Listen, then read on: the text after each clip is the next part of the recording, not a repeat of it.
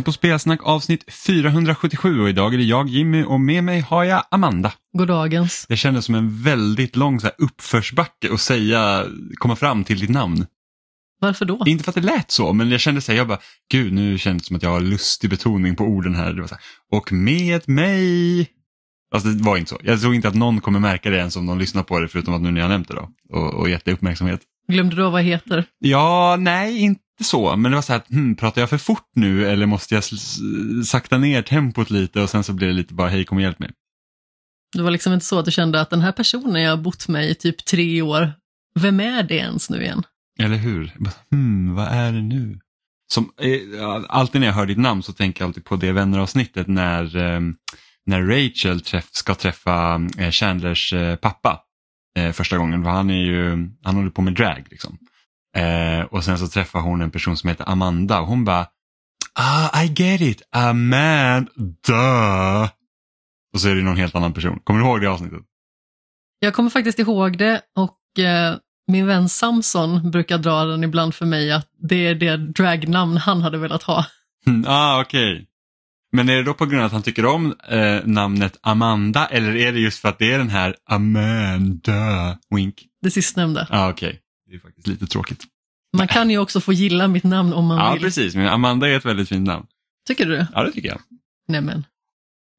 nej men och nu blir jag alldeles generad. Ja men precis, nu blir jag lite så här skakig i knäna minsann. Jag är inte jätteförtjust i mitt namn. Varför inte? Jag vet inte, jag tycker så här, Jimmy, det låter liksom, alltså har någon så här seriös personlighet i Jimmy, liksom är, är det, jag vet inte, jag vet inte, jag har aldrig, jag, jag, jag inte jag, jag, vet inte, nu, nu känner jag att jag målar in mig i ett hörn här, men jag, jag, vet inte varför jag inte är förtjust i mitt namn. Men samtidigt så kan jag inte säga så här, det här, jag hade hetat det här istället. Nej, men många gillar ju inte sitt eget namn. Förmodligen för att man har upprepat det så många gånger liksom, så att man har nött ut det. Sen är det också problemet med att ha ett namn som slutar på Y, för då liksom blir man ju automatiskt stämplad som ligist. Eller bonne.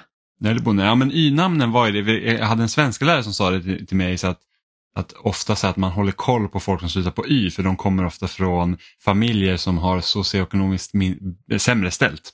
Och okay. att det är liksom lite så här, det är lite dräggnamn.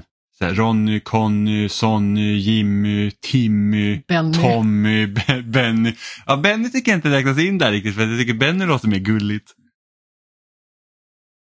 Eh, apropå Benny, när min gammelfarmor började tappa förståndet lite grann, mm -hmm. väldigt synd om henne naturligtvis, då fick hon för sig att min moster Jenny var hennes son Benny. Aha, okej. Okay. Ja, men det är en... Det, jag kan se det. Nej, jag skojar bara. Det är lite märkligt faktiskt. Ja, men det är också liksom besvärande hur hjärnan börjar spela äldre personer trick. Ja, men så är det.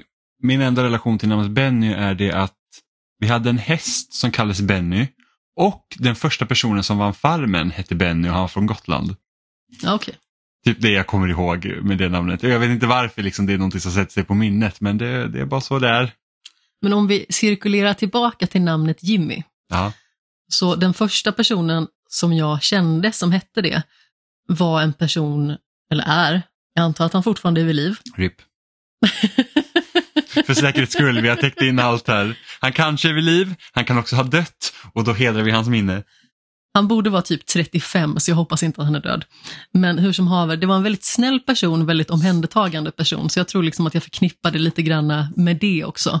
Det handlar ju väldigt mycket om vad man har för interaktioner eller associationer i hur man ser på folks namn. Så är det ju. Jag är ju jävligt jobbig va, så jag har ju väldigt dålig relation till namnet Jimmy. Alltså du är extremt ojobbig. Jag skojar. Jag skojade. Du är så vän och timid. Uh, ja. För tack. det mesta. För det mesta. Jag kan vara ganska högljudd också. Inte jättehögljudd, däremot så är du väldigt bestämd när det kommer till kritan. Liksom. Ja, det kan jag vara. Men alltså, det är så här, när vi har varit liksom på spelträffar och sånt, så är det typ, om en Filip som är vår väldigt kära vän, han är ju liksom av det lugnare slaget. Eh, och sen så har vi då, som vi kallar i folkmun Smålands-Emma. Det vill säga inte Emma som varit med i den här podden. Eh, hon är också ganska liksom lugn och tyst här, och, och de brukar ofta åka upp tillsammans för de liksom bor relativt nära varandra. Så de brukar, ja, vi hade ofta spelträffar liksom i Örebro och så. De suttit och varit tysta tillsammans hela Ja, vägen. men så sitter, så ofta så första spelet som spelas var typ Bomberman på 360. Eh, och så sitter de tysta där, eller ja, tysta sitter men de sitter liksom civiliserat och lugnt och spelar Bomberman och sen så kommer jag in och det är liksom så här att jag har väldigt svårt att vara tyst när jag sitter och spelar och speciellt om det går dåligt. Eh, inte att jag, jag blir inte aggressiv men jag blir högljudd. Som sagt, enda gången en granne har kommit och klagat på mig det var att jag spelade Smash mot Martin. Och Martin är ju då så här snäppet bättre än vad jag är. Eh, så det blir många skrik där. Så han bara, ah, kom upp och, och, och knackade på dörren och tyckte att jag var högljudd. Och det förstod jag också så jag var ju så här, men det är klart jag ska vara tyst. Men det roligaste var att den här personen som kom och knackade på dörren, han var väldigt kort och jag tror inte han förväntade mig att jag skulle vara väldigt lång. För att när jag öppnade dörren så ryggade han tillbaka och såg lite förskräckt ut. Man vet ju aldrig vem man stöter på. Nej men precis, jag kunde ju också varit jätteotrevlig och argsint. Liksom. Ja, men precis. Ehm, Men eh, det var inte Och sen så, så pratade jag med Ida Allander, som också varit gäst i den här podden flera gånger, eh, typ en vecka efter det. för att vi kör, Det var precis innan Gotipoddarna. Eh, och, då, och då berättade jag det för henne. Hon bara, ah, men du ska jag bjuda in honom och spela Smash med dig så kunde jag skrika och skrika båda två. det hade varit ganska kul. Båda problemen lösta på en och samma gång. Ja, en anledning till att jag inte skulle bjuda in en person som jag då inte känner är för att ett, jag känner inte personen. Två, tänk om, det är så här, tänk om jag tycker att den här personen är jättejobbig och den här personen tycker inte att jag är jobbig och så vill den börja hänga med mig. Och så går inte bara, därifrån. Exakt, vi bor i samma hus, svårt att undvika. Så att det, det är lite så det är. Helt plötsligt är du aldrig hemma. Exakt. Det var faktiskt en väldigt skum tjej som bodde typ två dörrar bort från mig som ofta drack. Och jag tror en gång hade jag varit typ, jag hade varit ute ganska sent med valpen eh, på promenad. Och, kom, och då var hon ute i korridoren med sin jäkla katt och hon skulle liksom prompt komma in i min lägenhet för att kolla hur det var och hade katten med sig. Och jag var så här, det här är inte en bra idé. Och jag hade jättestökigt också så det var ju så pinsamt på flera plan. Men jag tror inte hon kom typ ihåg det. Eller så skämdes hon så mycket för att hon eh, hade liksom försökt tränga sig på in i min lägenhet. För att det var ju flera gånger vi åkte så här hiss tillsammans sen och hon typ sa inte ett ljud. Så man var så här, hoppas hon inte kommer ihåg. Men var det inte den personen som du tycker verkade ha lite typ vanföreställningar? Jo. Och jag trodde typ att hon kanske till och med gick på droger eller någonting sånt. Ja, det kan vara den biten kanske. Ja, att, ja, det var i alla fall väldigt, jag var otroligt obekväm i alla fall. Hon kanske hallucinerade. Mycket möjligt. Och så bara, åh, varje gång vi går in i hissen så bara, existerar han eller inte? och så, så cue Arkivex-musiken. Ja, Jag tycker att det är ganska obehagligt när det knackar på för att jag förväntar mig väldigt sällan att få oinbjudet besök. så du är inte sån här Gevalia-reklamen då? Att du säger bara, åh, för oväntat besök. Nej men alltså vi har ju en spärr på våran dörr och för någon vecka sedan när jag satt och jobbade, du var inne på kontoret och jag satt själv, då var det någon som knackade på och jag bara så här, vi väntar inte på något paket, vi väntar liksom inte på något bud, vi väntar inte på någon faktisk person liksom att umgås med. Då gick jag och öppnade men hade fortfarande spärren på och tittade ut genom den lilla glipan och såg förmodligen väldigt bitter ut. Och då var det en som, paradoxalt nog, ville sälja ett titthål till mig. Det är faktiskt lite roligt. Det är väldigt det roligt. här, du vet att om jag hade haft ett titthål hade du just nu inte haft någon business. Nej, men det hade man inte haft oavsett. Men Nej men alltså grejen är ju den att vi kan ju inte bestämma det själva. Nej, Förmodligen. jag undrar om jag hade kunnat kräva av hyresgästen då, eller hyresvärden att vi ville ha ett titthål för att andra dörrar har det här. Ja, men det skulle vi nog kunna göra. Däremot så tror jag inte vi skulle kunna få göra det ingreppet på vår dörr. Ett ingrepp, åh nej. Ja, men alltså, det är väl ganska så, Nej, vi hade, nog, vi hade nog, behöver tillåtelse. jag vet faktiskt inte, det är ju saker vi får göra själv i vår lägenhet. Sen måste vi ju återställa det när vi flyttar ut då, men jag tror inte att de liksom säger Tar bara, ut titthålet. titthålet. De var ju Ta med det i fickan, jag vill ha med det till nästa lägenhet. de var ju väldigt, eh, de var ju väldigt beskyddande över sitt eget material för att de har ju, de har ju fyllt vårt förråd med grejer. en som- gammal dörr, som inte en gammal hatthylla, massa annat bös. Exakt, och vi var så här att alltså, vi kan åka och slänga det för att vi vill inte ha det där. Det fanns till och med en container ute på gården. En Ja, sådan som- som, ja, återkommer precis. typ en gång i halvåret. Exakt, och det fick vi inte göra för att de kunde behöva ha det och jag lovar att den där jävla ytterdörren är säkert en gammal ytterdörr som har varit i det här stället tidigare som de bara sagt, nej men vi åker inte och slänger det nu. Borde, vi borde fan säga att vi vill ha billigare hyra för att vårt förråd kan vi inte utnyttja fullt ut för att det är typ en kubikmeter där som inte är vårt. Den dörren byttes säkerligen för typ 20 år sedan eller något och så har den blivit kvar där. Säkert. Det var lite roligt för att eh, jag flyttade ju in ett litet tag själv innan det i stort sett blev som så att du flyttade in på grund av pandemin. Och eh, när jag öppnade en av garderoberna så stod det en trädgårdstomte där inne. Ja, det är ju ja, det är lite obehagligt. Ja, faktiskt. Den var otroligt ful till att börja med. Och jag vet liksom inte varför hela lägenheten var utstädad och utrensad utom just den garderoben där den där förbannade tomten stod. Mm, en sån här tomte som man slänger den så dyker den upp någonstans igen. Ja, men precis. Och en natt så mördade den. Ja, exakt. Så klassiska spökhistorier man berättade när man var liten. Ja, exakt. Jag undrar vart de historierna liksom kommer ifrån egentligen. För jag kommer inte ihåg en enda nu, men jag vet att det har funnits massa så här med typ dockor och, och, och grejer som man berättade. Ja, men typ Annabelle. Ja, men typ Annabelle fast inte Annabelle. Ja, jo men exakt. Ja. Du har tittat på mig och bara så här, what is this? Vad är det han säger? det är väl en modisk docka. Ja, jo, men precis. Eh, och typ så här, Det är väl den dockan som de har i ett kabinett i The Conjuring. ja, men precis. Eh, och sen typ Chucky och grejer. Men vi ska inte prata om skräckhistoria eller någonting sånt, eh, för att inga skräckspel har spelats. Nej, tack och lov. Skräckspel är roligt alltså. För vissa. Mm. Nej, jag, jag gillar ju skräckspel. Jag tycker att det, är- det, det är just den här spänningen med att eh, jag vet inte om jag våg- riktigt vågar gå framåt, men det är jag som måste göra det. Eh, det är det jag egentligen gillar med skräckspel. Jag vet inte, jag blir liksom paralyserad när, man, när jag kommer till liksom en viss punkt i ett skräckspel. Ofta så fungerar det ibland beroende på vad det är för sorts skräck, men jag kommer ihåg liksom när jag testade PT, då tog det liksom bara stopp. Jag kunde liksom inte förmå mig att röra mig mer. Jag för mig att jag till och med kastade handkontrollen på Aron. Ja, men det är ju... Men PT är ju riktigt jobbigt. Jag och Robin spelade det typ tillsammans. Eh, och han, jag tror han satt typ i åtta timmar i sträck med det spelet för att försöka liksom fatta hur man triggade slutet. Ja, alltså jag satt flera meter bort ifrån tvn och eh, baksätes spelade. Och du lyckades ändå slänga en kontroll på någon. Nej, nej, alltså det var jag som var tvungen att spela det från början. För att Aron sa, Amanda du ska spela PT här, varsågod, handkontroll i händer, hörlurar på. Sådana jättestora kåpor. Mm. Det finns en bild på skämshögens Instagram där man ser hur rädd jag är. Ja, vi hade ju Emma fick göra en Let's Play på PT som finns på vår YouTube-kanal där hon ropar praktiskt taget efter mamma för att hon är så rädd. Det var typ oj titta där står hon i korridoren och så ser man Emma så här, mamma och så bara sakta så här slida till höger för att inte titta längre. Ja, det är roligt. När det uppdagades att Lisa hela tiden går efter den. Ja, det är ju det sjukaste. Liksom när, det är det som, är, det är det liksom som jag tycker gör liksom PT också lite briljant. Det är ju så att det finns så här att det spelar ingen roll att hon hänger över din axel hela tiden för du kan ju inte se henne men bara vetskapen om att hon gör det och liksom att, för att när man spelar PT så känns det som att någon tittar på en hela tiden.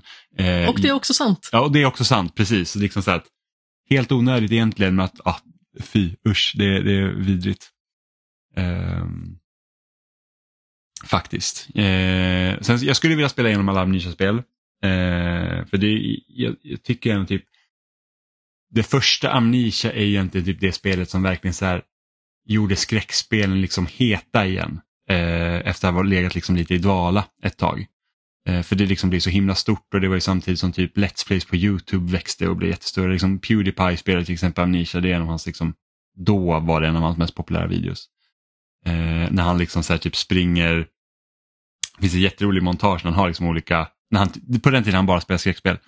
Eh, när han liksom spelar olika skräckspel då och sen så på ett ställe så, så liksom han springer över någon bro, då är det Amnesia. Han bara don't look, don't look, don't look och blir helt liksom panikslagen för att han blir, håller på att bli jagad. Det är så jävla roligt.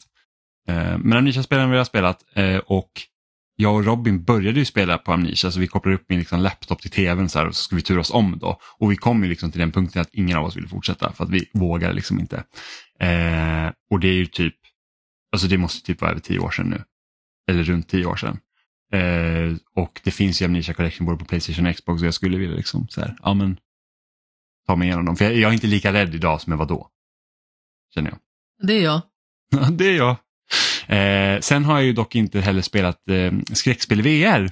Vilket är så att jag kommer ihåg när VR-headseten liksom började komma ut där, Oculus släpptes och sen så liksom Playstation VR eh, visades upp. Alltså jag var så här, när jag skaffar VR-headset så ska jag spela skräck. Och jag har inte gjort det än. Och jag tror, alltså Resident Evil finns ju på VR och jag hade ju kunnat spela Resident Evil 7 på Playstation VR 1 Jag skulle kunna spela Resident Evil 8 nu till exempel. Men jag har spelat dem redan. Jag vill ha ett nytt skräckspel som jag bara spelar i VR. Det är lite tjösigare. Men vi har inte spelat skräckspel den här veckan, som vi sa. Jag har ju äntligen fått spela Advance Wars. Som har typ väntat på jag har väntat på ett nytt Advance Wars sen det senaste kom ut som var Days of Ruin som var typ 2008 eller 2009, vilket är liksom så här skitlänge sedan. Och sen så utannonserade de ju då eh, Reboot Camp som är remake av 1 och 2. Eh, E3 2020 kanske? Nej, 2021. Måste varit på E3, typ E3, ja det är inte E3 då egentligen, men no, någon gång under 2021 så skulle det komma ut på, på december samma år. Och så sköt de upp det till mars och sen så eh, invaderade Ryssland Ukraina och så sköt de upp det de sköt upp det utan att ge något datum och var såhär bara what the fuck, eh, varför släpps inte det här spelet? Eh, och då var det så att Nintendo hade ju förra året, typ under hela hösten så hade de ju liksom ett spel i månaden som de redan släppte. Så vart ska Advance Wars ens få plats här? Eh, och nu, innan, en månad innan Zelda, så kom det liksom. Eller några veckor bara innan Zelda till och med. Så jag vet inte hur det kommer gå för det här spelet. Men det är släppt nu i alla fall. Och jag... Alltså det är så himla lätt att komma in i Advance Wars att det känns liksom så här att det känns riktigt bra att spela. Eh, och för de som inte vet så Advance Wars är ju ett eh, turordningsbaserat eh, strategispel där man liksom styr då en armé och man bygger enheter och man tar över eh, byggnader för att få in mer pengar och så gäller det att slå ut motståndaren. Liksom. Och så kan det finnas olika win conditions. Det kan vara som att rensa ut alla enheter, eh, klara banan inom ett visst antal dagar, eh, ta över fler, så här många baser så är det klart. Eh, och sen med alltid då klausulen att man kan alltid ta över fiendens liksom, huvudbyggnad. Då eh, deras HQ så att säga och då vinner man matchen också automatiskt. Eh, och så, får man, så finns det olika commanders med olika powers och lite sådana grejer som man kan liksom eh, bolla lite med. Eh, och jag har ju aldrig spelat ettan och tvåan på Game Boy Advance när de kom. Utan jag har ju bara spelat de spelen som är på DS. Så att det här är liksom helt nytt för mig också. Och, så här, Visst, det kanske är lite magstarkt att säga att jag älskar den här serien eftersom jag bara spelat två spel. Men eh, jag verkligen älskar eh, Dual Strike. Jag tycker att det är, det är liksom typ mitt favoritspel på Nintendo DS. Jag tycker att det är så himla bra. Eh, och det har liksom aldrig blivit egentligen att jag spelar Game Boy Advance-spelen utan det har ju bara varit liksom jag tror de kom på Virtual Console på Wii U om jag inte minns helt fel. Eh, och då tänkte jag, ja men då kan jag väl köpa dem någon gång och spela dem där och sen har det bara liksom inte helt enkelt blivit av. Eh, men nu så funkar det. ju. Och det är väldigt intressant egentligen att spela liksom första spelet. För, för det, det, är väl en grej jag kanske tycker är lite konstigt med den här remastern eller remaken. Det är det att du har ju både ettan och tvåans kampanj men du kan liksom inte, har du spelat spelen förut så kan du inte bara, ah, men jag vill skippa ettan och hoppa in på tvåan utan du måste köra ettan först och sen så klara tvåan. Så jag har ju kommit igenom typ halva ettan nu men jag har inte kunnat testa tvåan till exempel. Um, och det är, det är rätt så utmanande också för att varje bana är ju uppbyggda mer eller mindre som pussel för dig att lösa. Så att det är liksom inte som att för det finns ju olika liksom byggnader, du kan ha vissa banor där har du liksom ett, ett, ett eh, urval av enheter som du ska styra över. Men du kan inte bygga nya för du har liksom ingen bas du kan bygga över. Medan andra banor så har du det. Eh, och då blir det så här att i en bana där du kan bygga egna enheter så blir det ofta, där kan du liksom så här att du kan ju dra ut på matchen och sega ut och sen liksom bara bygga upp din armé liksom, och göra den starkare. Eh, Medan i de banorna där du liksom bara, det här är dina enheter, då måste du verkligen spela taktiskt. Eh, för att du får inte, är du oförsiktig och blir av med enheter så får du liksom inga nya. Eh, och det gör det ju väldigt liksom det kan vara väldigt svårt. Och speciellt så som jag liksom spelar Advance Wars mest så är det liksom så att jag och Robin har spelat jättemycket mot varandra liksom i Dual Strike och då, då byggde vi liksom egna banor och använde andra och då körde vi oftast med att en del liksom med sådana här eh, strategispel det är ju liksom att kunna bygga upp sin armé för det tycker jag är kul. Um, och då har vi kört så liksom med factories och grejer så att man kan liksom bygga egna och, och därför jag har svårare att spela när jag inte kan göra det för då är det så här, varje misstag liksom står en mycket dyrare. Um, så då får man liksom tänka till lite och uh, jag skulle ändå säga att jag är helt okej okay, liksom, på strategispel men det är många gånger jag får säga att det här kommer aldrig funka. Liksom. Jag, får bara, jag får bara börja om. Och det är inte ofta liksom, spel idag. Jag känner liksom att ofta att man får liksom säga att ja, men börja om från början. Liksom, utan, eller ja, börja inte om hela spelet från början men liksom det, det är uppdraget. Liksom, och så får man göra om och bättre. Jag tror egentligen att jag är en väldigt glad entusiast när det gäller strategispel. För av någon anledning så har jag liksom blivit strategispelskorrespondenten på loading generellt sett. Det känns som att jag har recenserat väldigt många strategibaserade spel oavsett liksom vad det är för genre som delas. Till exempel om det liksom är en strategisk simulator eller om det är ett turordningsbaserat strategispel. Men jag är verkligen inte speciellt bra på det. På vilket sätt skulle du inte vara bra på det? Nej, men alltså, jag tycker ändå att jag har ett väldigt logiskt tänkande generellt sett. Och eh, jag känner liksom att jag är ganska så bra på att förutse vissa saker. Men jag tror att jag har lite för bråttom. Det märks också när jag spelar tidigare nämnda The Last Spell, liksom att ibland så skiter det sig och det grövsta bara för att jag är lite slarvig och så råkar jag liksom skjuta ner mitt eget staket. Det gjorde jag häromdagen. Det var lite olyckligt faktiskt. Ja. Jag trodde att jag skulle skjuta på en fiende, kan jag tillägga, men jag såg lite fel. Ja, men det är ju, alltså, strategi, alltså riktigt bra strategispel, då är det ju hela tiden att man måste blanda det här med att antingen liksom, när går man på offensiven och när måste du spela defensivt och det gäller att ha lite is i magen också. Och sen kunna förutse eh, fiendernas liksom, attackmönster. Eh, och oftast är det ju lättare att köra mot en dator, liksom för att datorn går ofta att manipulera och det, det är det verkligen Advance Wars. Jag vet inte hur mycket de liksom har ändrat med fiende AI och sånt men liksom, det finns vissa enheter som AI eh, hellre slår sönder. Eh, trots att det, det här kanske inte ens är det bästa draget för dem. Eh, så det finns ju typ enheter som är APC där man liksom kan flytta runt eh, infanteri. Och av någon anledning så AI den bara, ja men det är det viktigaste fordonet. Och man bara, men alltså jag, jag hoppar på din bas. Alltså jag behöver bara hoppa en gång. Alltså, man tar ett infanteri till basen och så tar de över den. Så då, man tar över basen, eh, basen har 20 poäng och en infanterigubbe från början har 10 liksom HP. Och, och är den inte skadad så tar man 10 på basen. Till exempel. Eh, och det, fast det står hoppa på basen så är det så här, ja men APC den, den, ska vi, den, den är den viktigaste att döda. Så då blir det lite så att, aha, så, så att med, med den vetskapen så kan man också försöka manipulera slagfältet till sin fördel. För att AIn är liksom lite dum ibland. Jag tror att det kan vara lite likadant i Fire Emblem. Jag vill minnas att det till exempel är så i rätt avgörande ögonblick att karaktärer i motståndarlaget favoriserar att ge liksom ens huvudkaraktär på nöten. Bara för att om den karaktären dör helt, då brukar oftast villkoret vara att man har förlorat hela striden. Mm. Ja men precis, och då, då är det ju liksom så. Um, och roligast är liksom med eh, Fire Emblem och Advance förstås, för det är liksom Nintendos egentligen två stora liksom, strategispel som ändå liksom tar de har lite liksom olika inriktningar så man tänker typ Fire Emblem, där spelar du ju typ hjältarna. Eller du spelar hjältarna helt enkelt eh, och varje hjälte är unik och du kan liksom inte få fler hjältar under en matchgång till exempel. Medan Advance Wars, där har liksom då en hjälte som är liksom commander som styr över slagfältet och har liksom egna Eh, för och nackdelar då, beroende på vem man har. Så till exempel den första karaktären som heter Andy till exempel, han har inga svagheter eller styrkor. Men, men liksom det gör också att han liksom han blir inte negativt påverkad egentligen av någonting heller, liksom, utan han, liksom, han är spelets Mario. Och sen har vi typ en karaktär som heter Max som är jättebra på typ närstrid och så att hans tanks blir skitstarka men mycket sämre på indirekta attacker som typ så här artilleri och, och, och missiler och sånt. Det liksom, de når inte lika långt.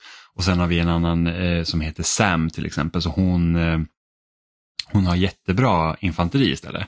Så de kan ta över baser snabbare och eh, de har liksom längre movement och lite sådana grejer. Eh, och skillnaden här är så, just att man kan liksom bygga upp sin armé.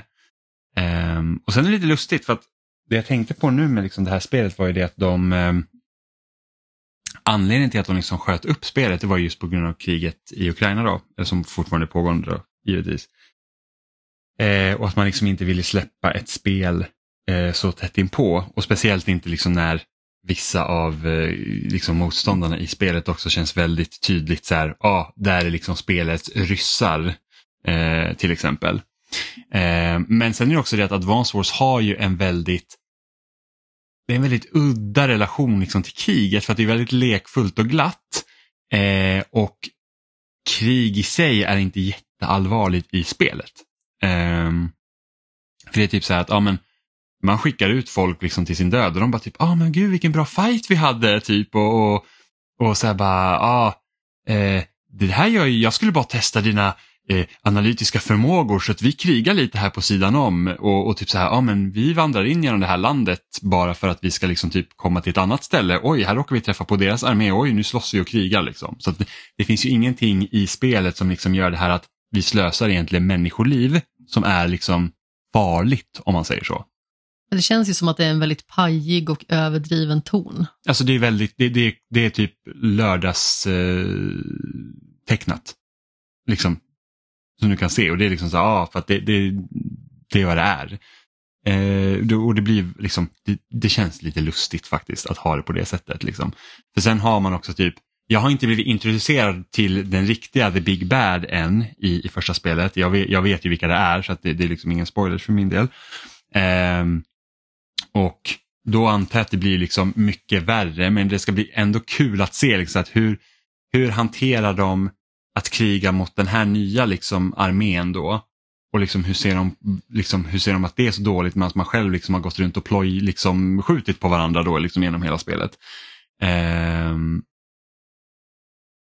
men sen är ju liksom också den grafiska stilen och allting på spelet och det, vet, det har varit väldigt mycket liksom skriverier om det också för att folk tycker att det ser så fult ut för att spritesen i originalen är liksom väldigt charmiga medan här liksom ser så att det är lite så det ser nästan billig 3D ut när man såg på, liksom, på trailer. Det ser klumpigt ut. Ja, eh, när man spelar så tycker jag att det är helt okej. Okay. Det är liksom karaktär, alltså ens, eh, de commander man styr, liksom, de, de ser tecknade ut. Och de ser jättebra ut och, och, och liksom det är typ när man aktiverar sina superpowers så kommer liksom en liten animerad sekvens och så, här. så, så att hade hela spelet haft den stilen så hade jag tyckt att det var liksom verkligen skitsnyggt. Men jag undrar om inte man liksom valt att göra sån olika kontrast också för att de commanders man är ska inte liksom likna för mycket soldaterna som du skickar ut liksom och, och, och krigar, om man säger så. Eh, och själv när man liksom spelar, då, då liksom, det ser ut nästan som en leksakslåda.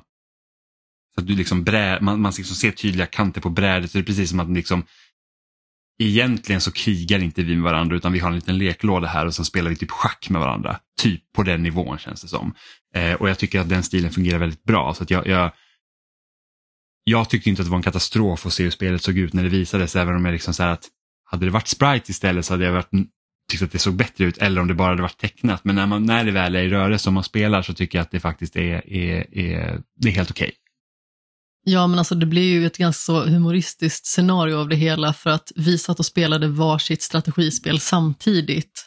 Jag, The Last Spell och du Advance Wars och det ser ju liksom ut som Mordor versus Legoland. Ja, ja, men precis. Det, det är väldigt, det ser ut lite som Lego. Liksom så här. Det är väldigt färgglatt. Typ armén man spelar huvudsom i, i kampanjen, då är det liksom, det, allt är rött. Och så i ett annat land är bara blåa och sen har vi bara eh, gula och så är det gröna och så vet jag att det kommer komma en svart armé sen. Det, det där lät väldigt fel, men de, de, har, de har svart som färg, de onda liksom.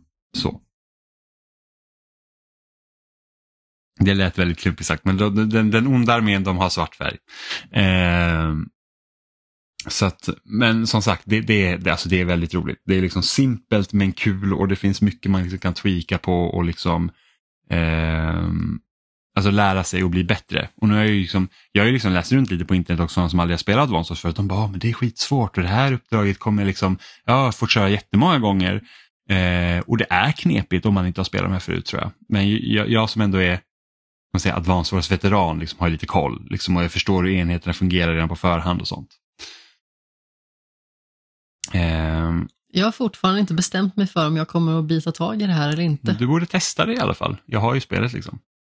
Det är väldigt roligt. Jag är liksom, nu har jag klarat halva första kampanjen och spelar åtta timmar så det är liksom också ganska matiga spel. Och sen finns det ju också så här, ehm, det finns ju också, man kan spela liksom War Room, man bara liksom spelar matcher på olika kartor. Och sen finns ju multiplayer också och det är väl typ det största nackdelen i spelet. Är att du inte kan spela multiplayer mot eh, randoms. Utan du måste, du kan bara spela multi, alltså antingen lokalt så att man spelar flera på samma maskin. Eh, eller via liksom eh, trådlöst spelande då. Eller så kan man möta folk på sin vännerlista och då är det bara matcher som är en mot en.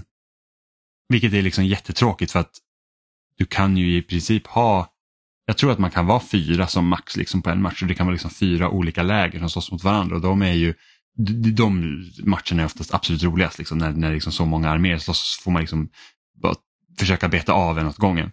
Ehm, men det finns ingen liksom matchmaking i spelet, och vilket jag tycker är otroligt tråkigt för att det blir så att okej, men känner du inte någon som har Advance Wars då kan du liksom aldrig spela multiplayer mot någon annan. Liksom, om man inte gör det lokalt hemma då.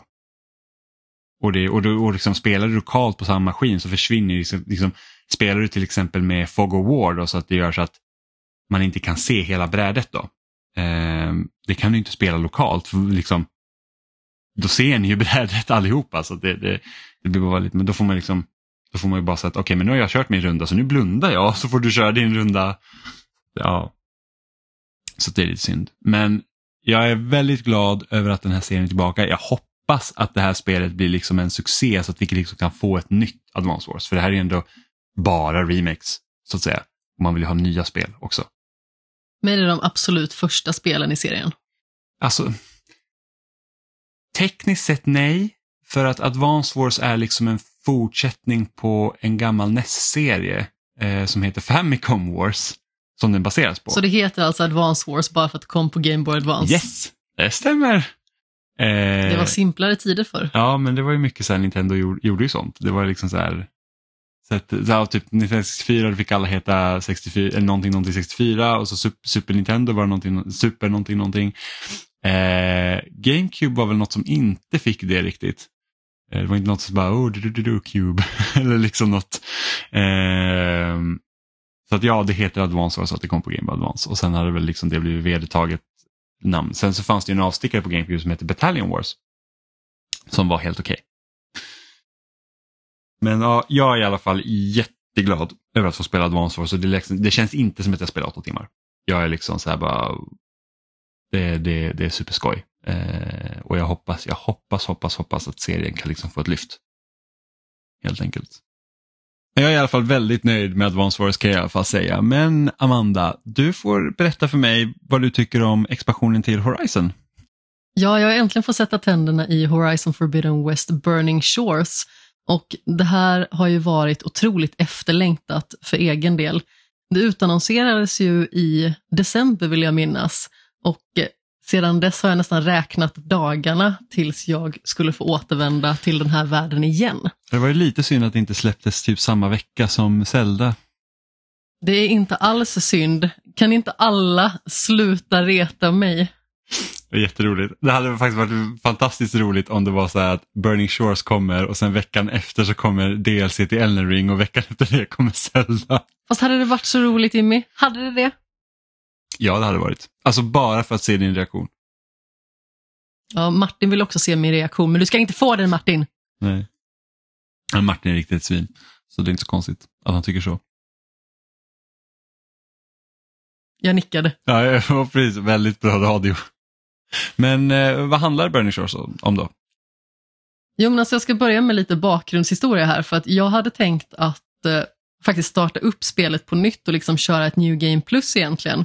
Ja, för protokollets skull också så hade hon den här tanken så här, typ en vecka innan också. Man bara, du kommer aldrig hinna. Fast grejen är ju att jag har ju haft det i stort sett ända sedan expansionen utannonserades. Jo, jag vet, men det var inte som att den tanken om att du skulle spela igenom huvudspelet igen liksom gick ur förrän typ dagen innan det släpptes. Alltså den har funnits med mig precis hela tiden, men jag har ju känt att jag vill inte påbörja det projektet för tidigt.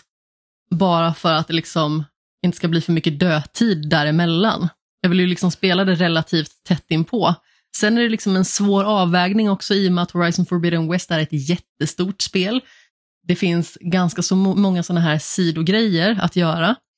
Och de har jag inte gjort tidigare. Hur lång tid tar de? Kommer jag behöva liksom lägga 40 timmar till utöver huvudberättelsen? Jag vet inte riktigt. Som andra ord så har jag liksom dragit ut på det.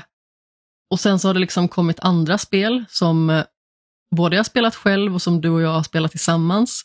Vilket då liksom har resulterat i att det har dragit ut på tiden och jag började inte.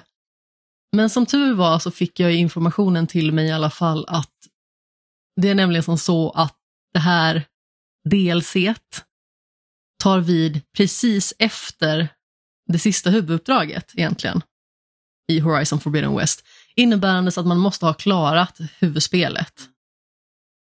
Det betyder också att om jag hade liksom påbörjat en ny runda och inte blivit klar, så hade jag förmodligen behövt ladda en ny sparfil eller spela klart spelet.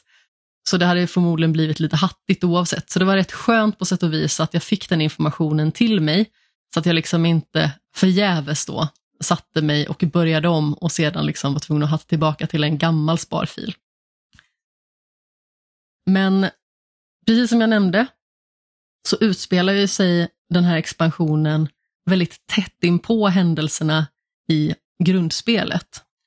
Så när man liksom har klarat det här sista kapitlet, singulariteten, så blir man tillkallad till en specifik plats av Silence, som då i stort sett berättar att det är en medlem ur den här ökända konstellationen Far Zenith som vi fick bekanta oss med väldigt mycket i grundspelet, som fortfarande är på fri fot.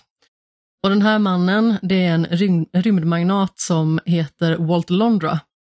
Och det verkar liksom som att han har något lurt på gång som Silence vill att Aloy ska reda ut helt enkelt. Och eh, sista stället han sågs på var på brandkusten, eller Burning Shores, vilket alltså är vad som förr i tiden var Los Angeles. Innebärande att man tar sig dit och eh, man stöter på trubbel direkt och eh, kraschar rakt in i en Sken-koloni. Sken är ju en stam som man liksom känner igen från tidigare i spelet också. Och man har även liksom med sig en karaktär sen tidigare. Henne har man liksom inte med under det här uppdraget då, men det är liksom en tjej som man har fått lära känna eh, gjort uppdrag för så, som heter Alva. Men här ska det visa sig att man stöter på en ny karaktär vid namn Seika, som i stort sett blir ens nya vapendragare hela den här expansionen igenom.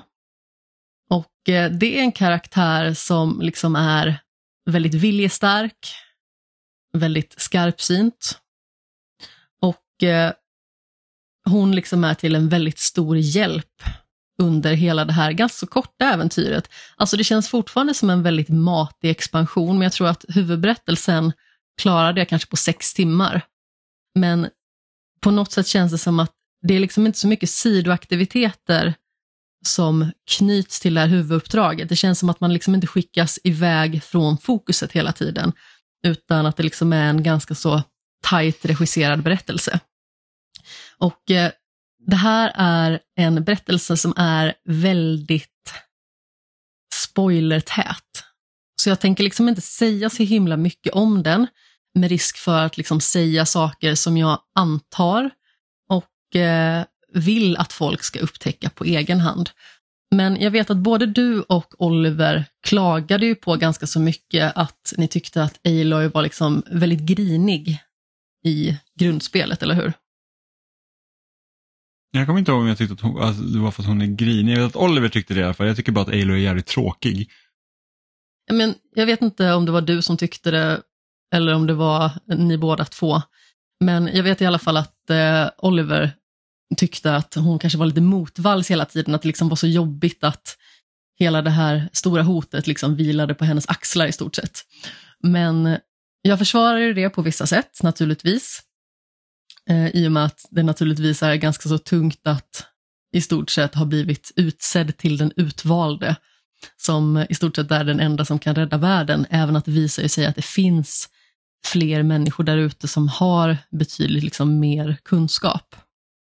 Men det som jag verkligen upplevde redan från början i den här expansionen är en tonförändring. Och det är liksom någonting som genomsyrar den här berättelsen som blir liksom en väldigt utvecklande del för Aloy själv.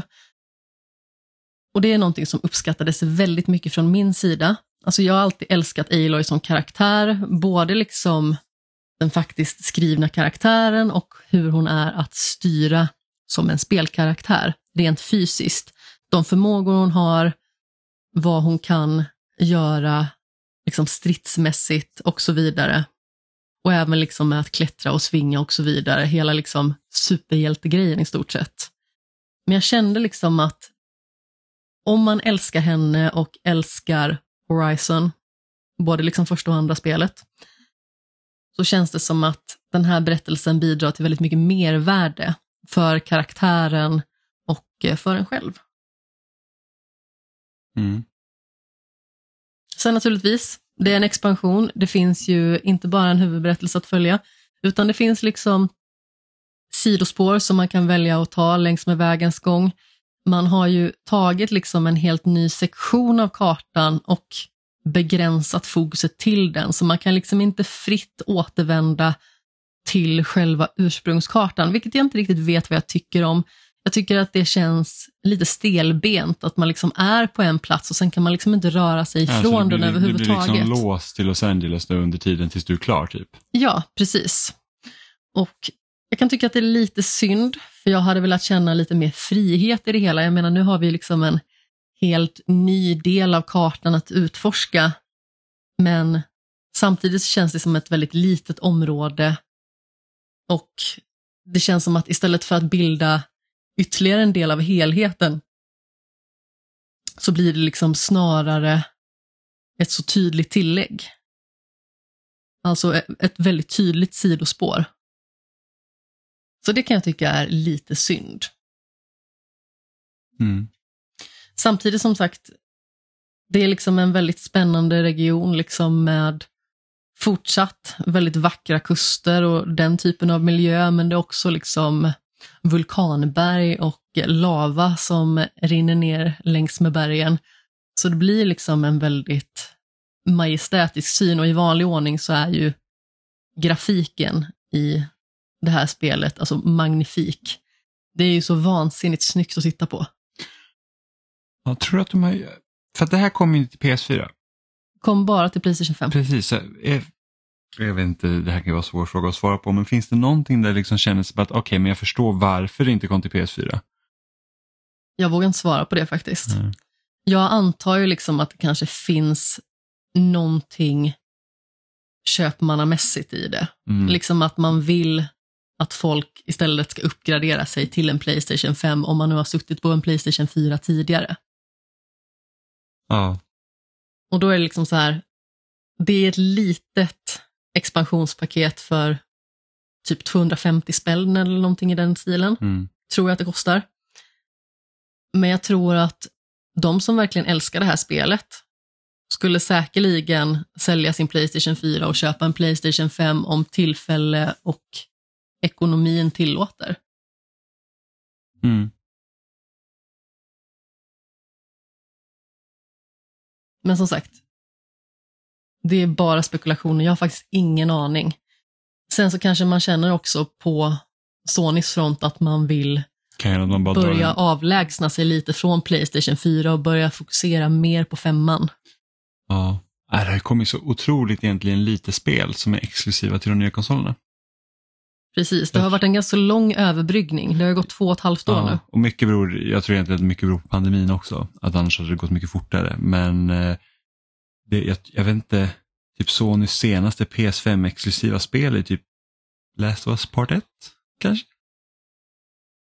Jag vågar faktiskt inte svara Och på God det of heller. War kom ju också till PS4. Ja, men exakt. Jag tror ju att det dels kan vara pandemin, dels också liksom att det var konsolbrist. Mm. Att man fortfarande liksom känner någon form av liten skyldighet att kunna släppa vissa saker i alla fall fortfarande på den gamla maskinen för att det är så himla få som har lyckats lägga vantarna på den nya konsolen.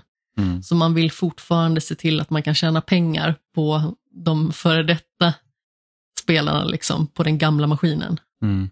Jag är typ inne på um, True Achievements i, idag och bara kollar lite så statistik och sånt på min profil. Och så bara sållar jag ut så här, men hur många spel räknar då True Achievement som liksom, spel som bara finns på Xbox Series X och S. Och jag tror det var typ sex stycken. Det är så många ändå. Som jag har spelat. Alltså som jag har spelat. Eh, sen har jag ju spelat X och S-versionerna av flera spel också så det är inte bara att det är sex stycken spel som tar nytta av nya maskiner men det är liksom så att de här spelen kan jag inte spela på eh, Xbox One till exempel. Och då är det sex stycken av de jag spelat. Och då var jag bara, oj vad lite, det har jag nog aldrig varit med om en, en konsolgeneration där man är tre år in och det är liksom så här att Jag trodde nästan det skulle vara färre när du la upp det på det sättet. Ja, men alltså det är ju... Och det här är inte från Microsoft själva. Då. Det här är liksom tredjepartsspel också. Så typ så här, eh, City Skyline Remastered gjordes ju bara till de nya konsolerna såklart för att den tog ju liksom eh, nya maskinkraften i backning och sånt för att kunna få liksom rätt, kunna göra större städer och lite sånt. Eh, och så. så det, det har varit, varit, en, varit en slö start. Faktiskt.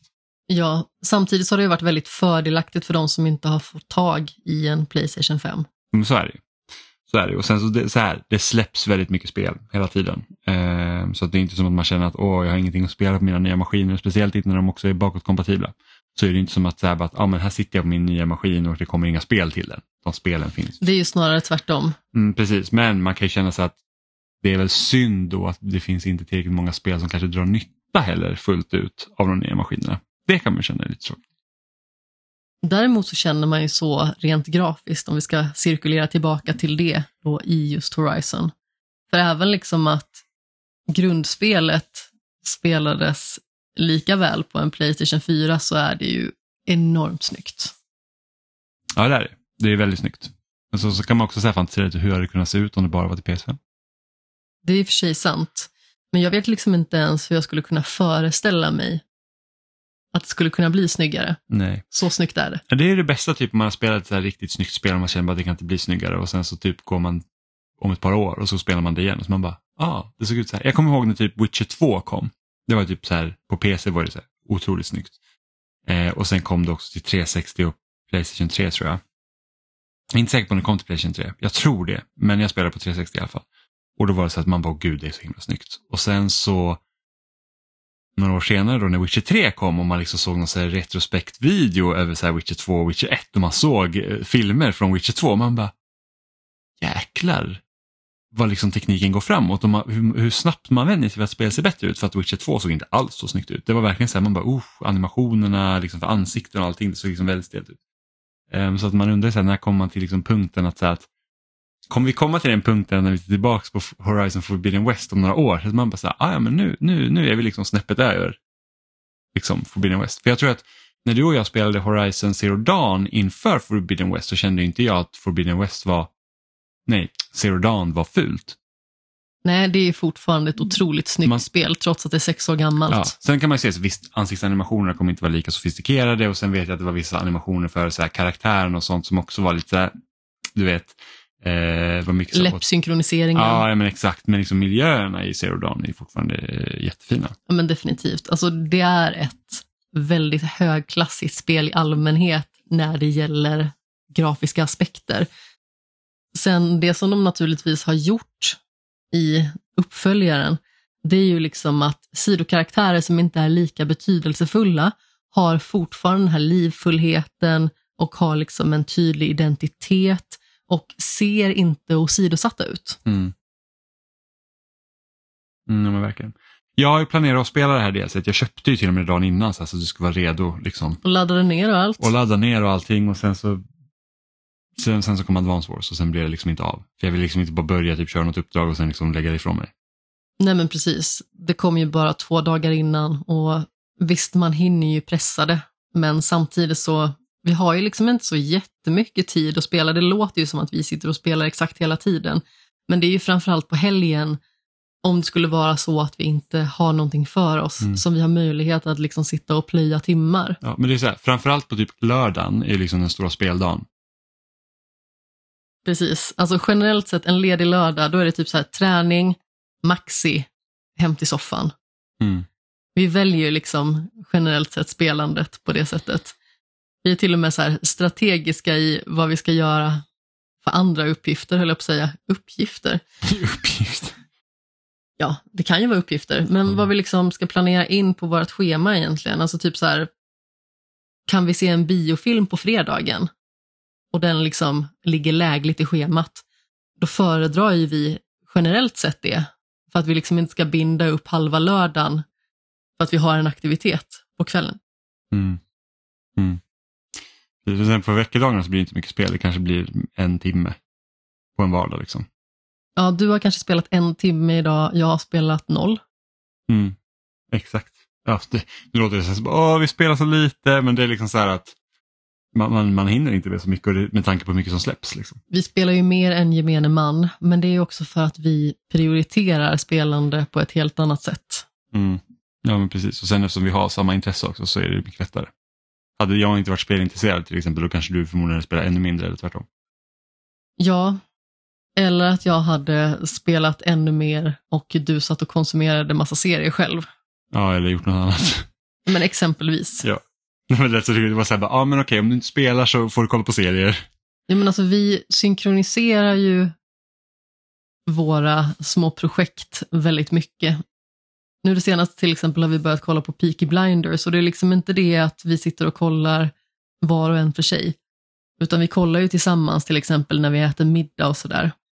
Och försöker liksom att få allt sådant att gå ihop.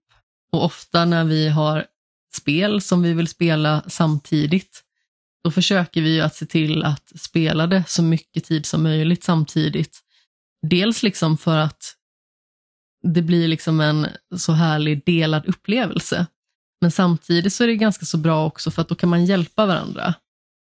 Jag behöver ju uppenbarligen mer hjälp än vad du behöver i varje spelupplevelse jag tar mig an egentligen. Men alltså, det kan ju liksom vara så att man missar saker som är vitala för spelupplevelsen. Och då är det liksom bra att ha någon. Det blir liksom ett väldigt bra dragplåster också. Ibland så känner man ju liksom att man inte kommer igång och har den andra börjat, då är det lättare att man själv börjar, för man vill liksom inte hamna på efterkälken. Mm. Och sen för protokollet skulle också, vi sitter ju med dubbla uppsättningar allting, så att vi, det är inte som att vi, vi delar inte på en tv, utan vi har en varsin tv bredvid varandra och med varsina konsoler. Ja, men precis. Det är liksom en sån grej som eh, jag brukar ta upp som en punkt när man diskuterar liksom om man bråkar som par. För du och jag bråkar ju typ aldrig. Eller vi har liksom inte haft ett riktigt bråk. Vi gnabbas. Men jag tror att en bidragande orsak är just det att vi äter liksom inte av varandras intressetid. Vi behöver liksom inte köpslå hela tiden hur länge man behöver ha tvn, hur länge man behöver ha den ena konsolen och så vidare. Bara för att man hela tiden har möjlighet att ägna sig åt sitt eget. Mm. Då blir det liksom att det uppstår liksom ingen friktion eller irritation bara för att vi kan sitta och spela jämte varandra och du kan sitta med ditt recensionsuppdrag och jag kan sitta med mitt. Så vi behöver liksom inte väga deras viktighet mot varandra. Mm. Och det är ju liksom en väldigt subjektiv upplevelse. Det kan ju vara liksom att jag tycker att mitt recensionsuppdrag det är mycket mer aktuellt och viktigare än ditt. Och du kan tycka liksom detsamma om mitt. Mm. Det gör ju liksom att vi slipper den biten, vilket är väldigt skönt. Jo men faktiskt. Det är alltså för att då när vi har haft som mest liksom recenserat så vet inte jag hur det liksom hade gått ihop om vi bara haft en av allting.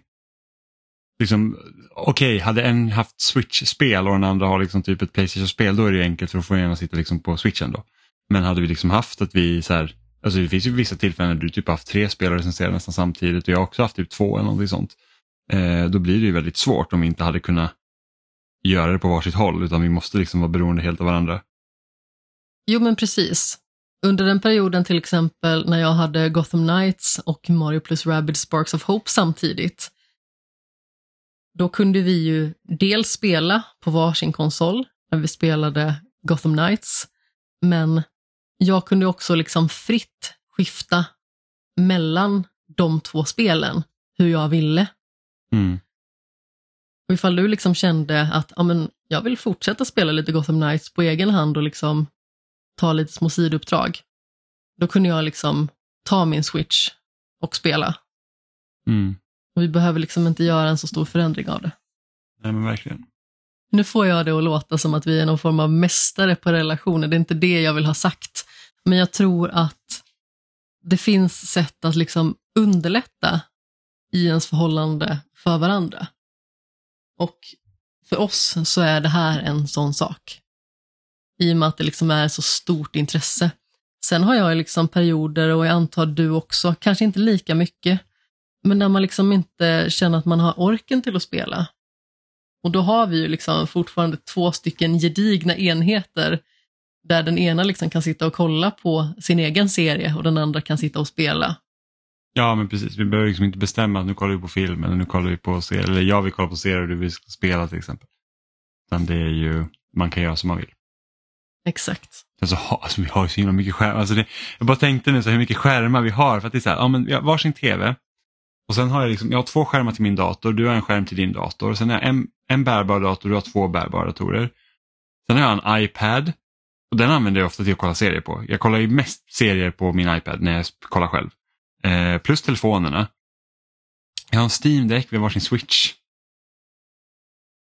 Vi har en digital fotoram, det får räknas som en skärm. Det tycker jag definitivt. Ja, så det, det är ju ja, arbetsdator. Och du, till och med, du har till och med tre datorer då. Jag har två. Tre med min stationära. Ja. Alltså jag kände mig lite som en så här skärmknarkare i lördags. För det var ju nämligen så att du åkte iväg på svensexa, typ i lunchtid. Och efter att jag hade varit och handlat, kommit hem, så var det liksom spelande nästan hela dagen lång. Plus att när jag kände att jag orkar inte riktigt mer, då kollade jag på serie istället. Och det slutade liksom med att jag låg på sidan och kollade på serie i soffan tills jag däckade. Sen så vaknade jag upp, kände att, ah, ja men, jag går och gör mig i ordning, går och lägger mig. Och då hade jag liksom lyckats kvickna till lite grann. Så när jag väl kom till sängen så kände jag att ah, jag fortsatte väl kolla på min serie då. Så jag gick från den stora tvn in till sängen och fortsatte att kolla på min lilla telefon. Ja, det är perfekt. Men jag tror det här var allt vi hade för idag. Jag tror det också. Mm. Så ni hittar oss som vanligt på spelsnack.com och där finns också länkar till alla ställen vi finns som Facebook, Instagram, YouTube, Apple Podcast, Spotify och RSS-flöden. Eh, ni kan också mejla till oss på kontaktespelsnack.com eller byta ut kontakt mot några av våra förnamn spelsnack.com eller så kan ni också gå in på loading.se och kommentera i den tråden som läggs upp där för varje avsnitt. Eh, annars så hörs vi igen nästa onsdag helt enkelt. Jag har en liten uppmaning också. Ställ gärna frågor knutna till de spelen som vi har spelat. För det tar vi gärna liksom upp i nästkommande avsnitt. Så då får man liksom ytterligare lite mer fyllighet till den diskussion vi har haft. Precis. Så hörs vi igen nästa vecka. Puss i ömsken. Hej då! Ja, det är bra Nemo. Avsluta på topp.